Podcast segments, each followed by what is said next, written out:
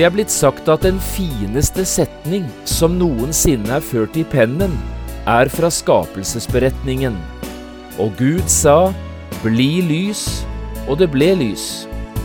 Men jeg tror vi kommer nærmere Gud og får vite langt mer om vår himmelske Far når vi leser ordene Gud hørte gutten gråte. Slik leste jeg det i en bok forleden. Utrolig fint sagt.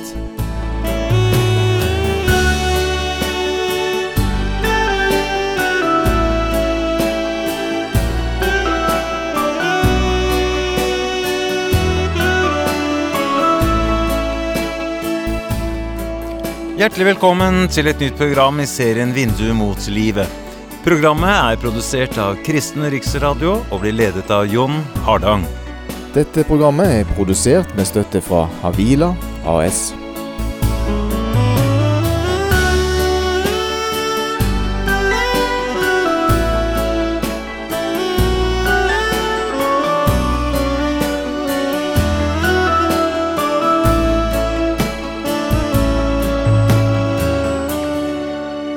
Vi skal i dag lese en ganske lang historie sammen fra Bibelen.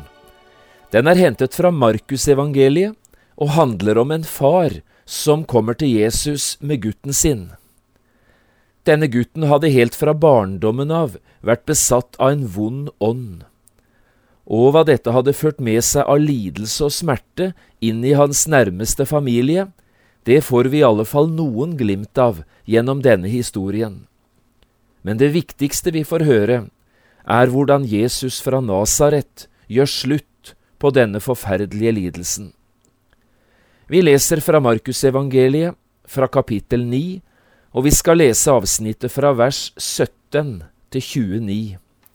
Jeg har kalt dagens program Nødrop. En i folkemengden svarte Jesus, Mester, jeg har ført til deg min sønn, som er besatt av en stum ånd. Når den tar tak i ham, sliter den i ham, han fråder og skjærer tenner og visner bort. Jeg sa til dine disipler at de skulle drive den ut, men de var ikke i stand til det.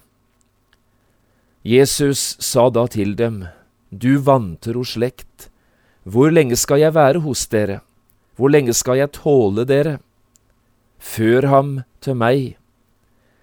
De førte gutten til Jesus, og da han så ham, begynte straks ånden å rive og slite i gutten, så han falt til jorden, veltet seg og frådet.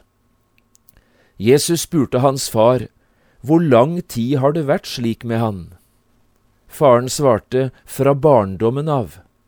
Ofte har den kastet ham i ild og i vann, for å gjøre ende på ham. Men om du kan gjøre noe, ha medynk med oss og hjelp oss. Jesus sa til ham, Om du kan tro, alt er mulig for den som tror. Straks ropte guttens far, Jeg tror, hjelp min vantro. Da Jesus så at folket stimlet sammen, truet han den urene ånd og sa til den, Du stumme og døve ånd, jeg befaler deg, far ut av ham, og gå aldri mer inn i ham.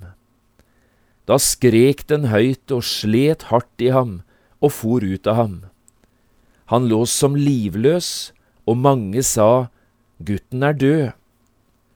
Men Jesus grep han ved hånden og reiste han opp og gutten sto opp. Da Jesus var kommet inn i hus, spurte hans disipler ham i enerom, Hvorfor kunne ikke vi drive den ut? Jesus sa til dem, Dette slag kan ikke bli drevet ut uten ved bønn og faste.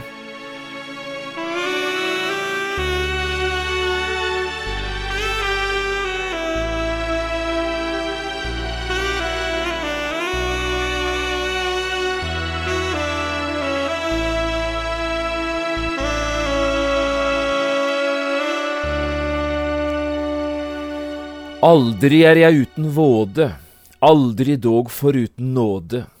Alltid har jeg sukk og ved, alltid kan jeg Jesus se. Alltid trykker mine synder, alltid Jesus hjelp forkynner. Alltid står jeg under tvang, alltid er jeg full av sang. Det er den danske salmedikteren Thomas Kingo som synger det slik i en salme skrevet i 1681. Thomas Kingo er sammen med Hans Adolf Brorson og Nikolai Grundtvig regnet som Danmarks tre største salmediktere. Brorson er julens salmedikter, Kingo er påskens dikter, og Grundtvig tar hånd om pinsen. Den norske forfatteren Bjørnstjerne Bjørnson sa en gang det er på disharmoniene i en selv at man blir dikter. Og det er nettopp dette Thomas Kingo, den danske salmedikteren, er så sterkt et eksempel på. Selv strevde Kingo gjennom hele livet med denne spenningen, kampen mellom tvil og tro, mørke og lys, fortvilelse og håp. Men kanskje nettopp derfor var det han også ble i stand til å skrive en salme som den vi nå siterte de to første versene av. Og de to neste versene eh, vil jeg også sitere. Legg merke til spenningen eller kontrastene også i det som nå kommer. Snart i sorg, snart vel til mote, snart i fall og snart på fote ofte uten sinnets ro, alltid fylt av Jesu tro.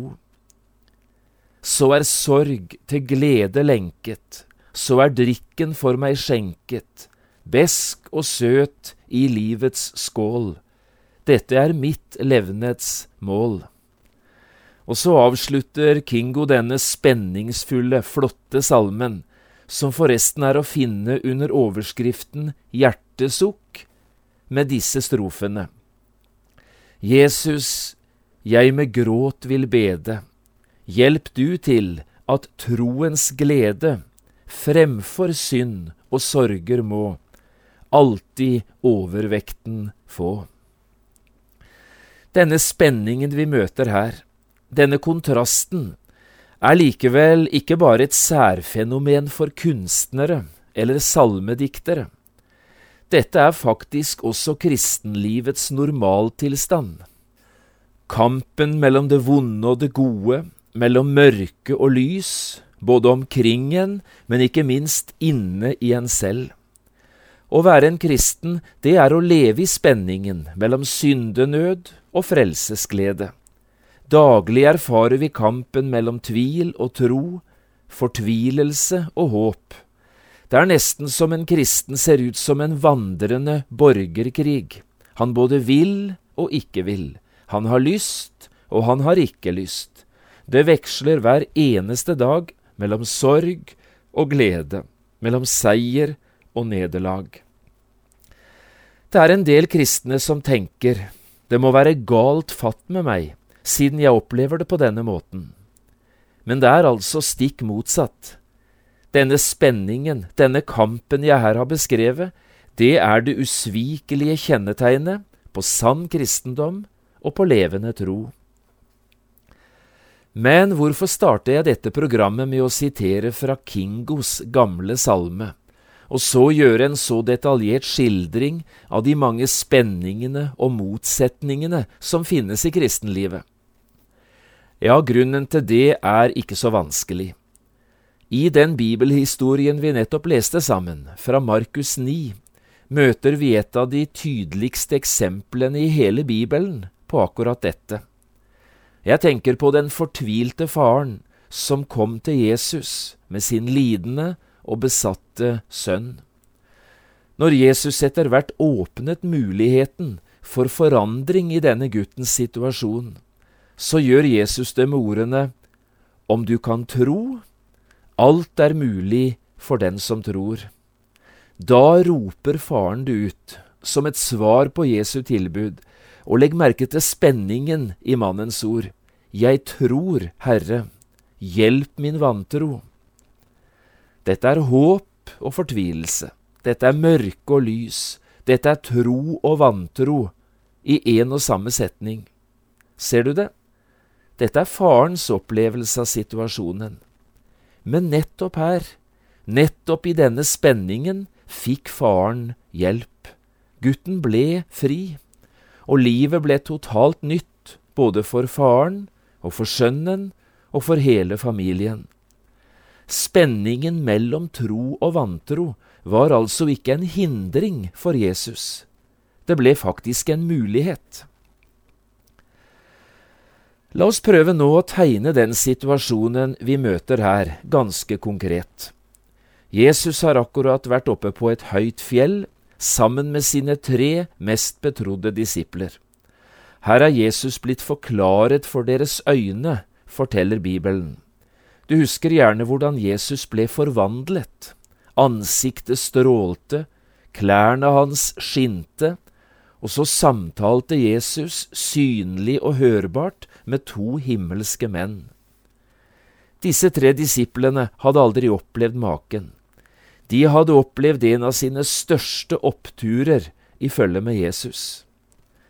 Men nå er de kommet ned igjen fra fjellet, og nede på sletten skulle oppturen snart bli forvandlet til en skikkelig nedtur. De ni disiplene som ikke hadde vært med opp på fjellet, sto midt i en stor mengde mennesker, i skarp diskusjon med religiøse ledere. Hva er det dere strides med dem om? spør Jesus. Og så får vi høre historien. En i folkemengden svarte ham, Mester, jeg har ført til deg min sønn som er besatt av en stum ånd. Når den tar tak i han, sliter den i ham, han fråder og skjærer tenner og visner bort. Jeg sa til dine disipler at de skulle drive den ut, men de var ikke i stand til det. Her tror jeg det kan være greit å gjøre en liten stopp. La oss si litt om dette med besettelse, det er jo det som er situasjonen her. Dette er nok et både vanskelig og nokså fremmed forhold som vi må forholde oss til i dag. Men la oss spørre, hva er egentlig besettelse? For det første, besettelse er betegnelsen på en situasjon der et menneske blir inntatt eller invadert av én ond ånd eller av flere. Og denne ånden eller disse åndene, de tar full kontroll over dette menneskets liv. En er ikke selv i stand til å styre eller kontrollere livet. Det fikk vi et ganske tydelig eksempel på i den bibelteksten vi leser i dag. For det andre, og dette er viktig, det er forskjell på besettelse og på sykdom. Og fordi det er forskjell på disse to tingene, må vi også tenke om dem og behandle dem på vidt forskjellige måter. Leser vi beskrivelsen av hvordan denne gutten oppfører seg, som vi leste om i dag, kan vi få assosiasjoner til sykdom. Beskrivelsen gir oss tanker for at dette er jo nesten som epilepsi. Når ånden tar tak i ham, forteller faren, sliter den i ham, han fråder og skjærer tenner og visner bort. Dette er jo symptomer som ikke er helt ulikt symptomene på epilepsi. Men dette er altså ikke det samme. Sykdom er én ting, besettelse er en annen ting. Og for å si det ganske tydelig, Epilepsi er ikke besettelse, og skal aldri behandles som om det var det. Jesus selv møtte sykdom og besettelse på to vidt forskjellige måter, og det skal også du og jeg gjøre. Syke mennesker, de ble bedt for, både av Jesus og apostlene. Syke mennesker ble gjenstand for forbønn, med eller uten håndspåleggelse, og de fikk hjelp gjennom forbønnen. Slik ble aldri besatte mennesker behandlet eller møtt. De ble verken gjort til gjenstand for forbønn eller håndspåleggelse. Tvert imot, bare se på bibelteksten vi har foran oss i dag. I denne situasjonen henvender Jesus seg direkte til den onde ånden. Han taler til ånden, tar kontroll over den og driver ånden ut. Slik oppførte Jesus seg aldri i forhold til syke mennesker.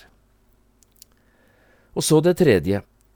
Det finnes en del også i dag som både privat og offentlig møter syke mennesker som om det var besatte mennesker de møtte.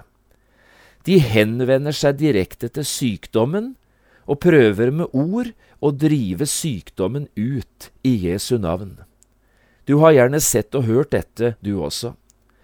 Men dette er ikke i samsvar med det Bibelen lærer oss, og det er ikke i overensstemmelse med måten Jesus praktiserte det på. For det innebærer jo at en demoniserer sykdom, altså at en regner et sjukt menneske for å være besatt av en sykdomsånd. Og det er en forferdelig og en ganske alvorlig kortslutning. Ingen kristen kan jo bli besatt av en vond ånd. I en kristens hjerte bor Den hellige ånd, og Den hellige ånd gjør det umulig for en vond ånd å komme inn i dette menneskets livshus. La meg si det en gang til, ingen kristen blir besatt av vonde ånder. Og så det fjerde. Det kan se ut som det er forskjell på vonde ånder. Dette slag, sier Jesus om situasjonen her, kan ikke bli drevet ut uten ved bønn eller faste. Disiplene hadde spurt Jesus om hvorfor de ikke hadde lykkes med å befri gutten. Dette slaget, sier Jesus, må behandles annerledes. Dette slaget, det må bety at det også finnes andre slag. Det finnes kanskje mange slag onde ånder. Og så det femte. Hvorfor ser vi så lite av besettelse i Norge i dag, spør noen. Hvorfor er det så få besatte mennesker iblant oss? Ja, her kan vel forklaringene være flere. Jeg syns forresten ikke det er noe problem heller, da. Jeg ønsker meg ikke mer besettelse. Men vi har i Norge opplevd en kristen enhetskultur gjennom tiår og hundrevis av år. På mange måter har dette ryddet opp i urenheter og hedenskap. Det er kastet ut. Det har hatt sine virkninger. I dag er vi imidlertid i ferd med å kaste ut mye av det som har med Jesus og med Bibelen i samfunnet vårt å gjøre. Og jeg tror at også det vil få sine konsekvenser, enten vi liker det eller ikke. Kanskje kommer vi til å møte mer av åndskamp og åndskrefter, synlig og konkret, enn vi er glad for i årene som kommer. Jeg vet ikke, men jeg frykter det verste.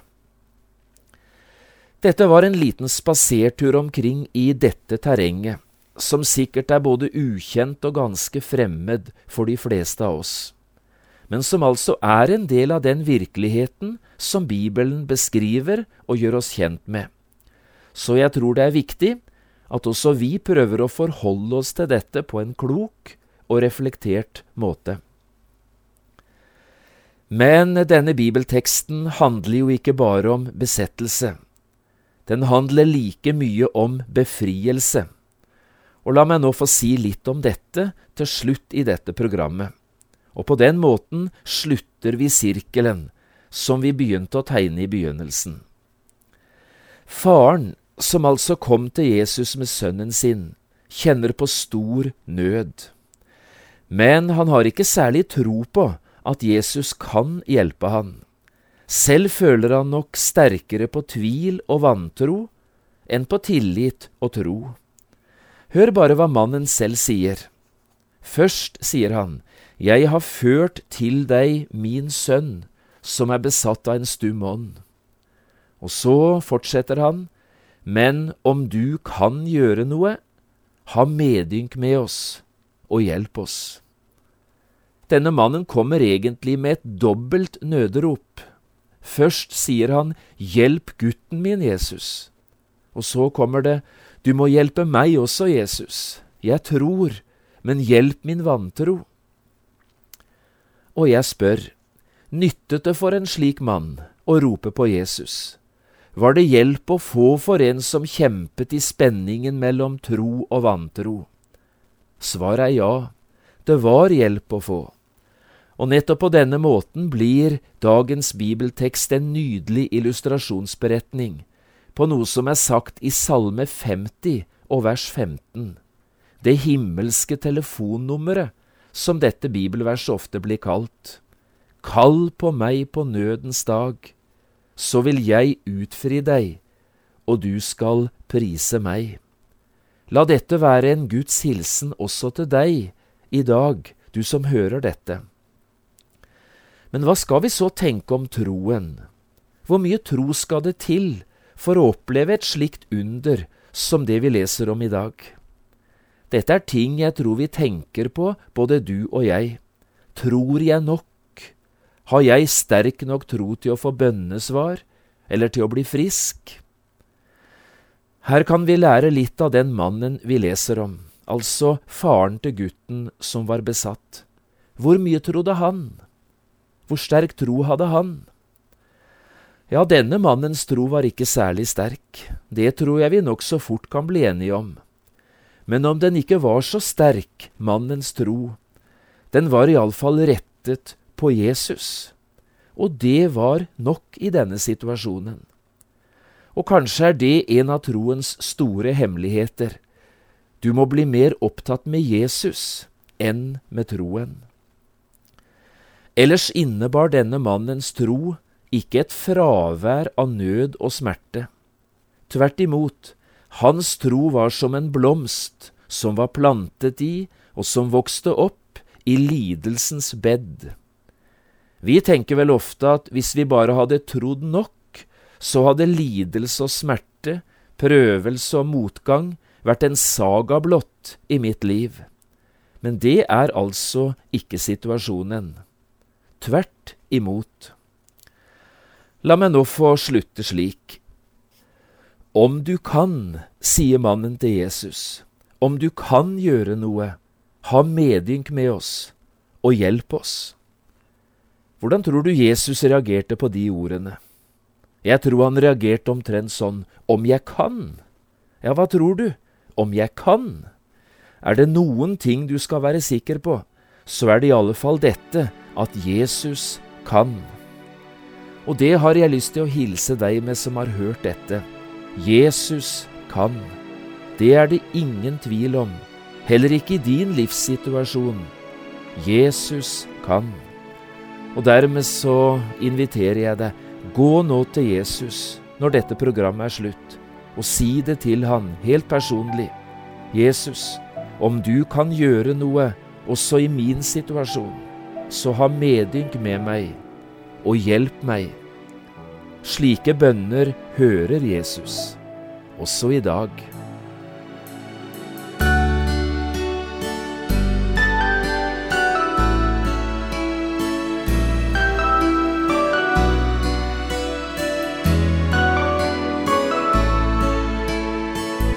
Du har lyttet til programmet serien Vindu mot livet med John Hardang.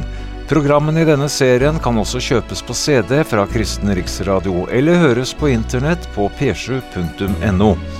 Har du spørsmål eller kommentarer til det du nå har hørt, kan du ta kontakt med oss.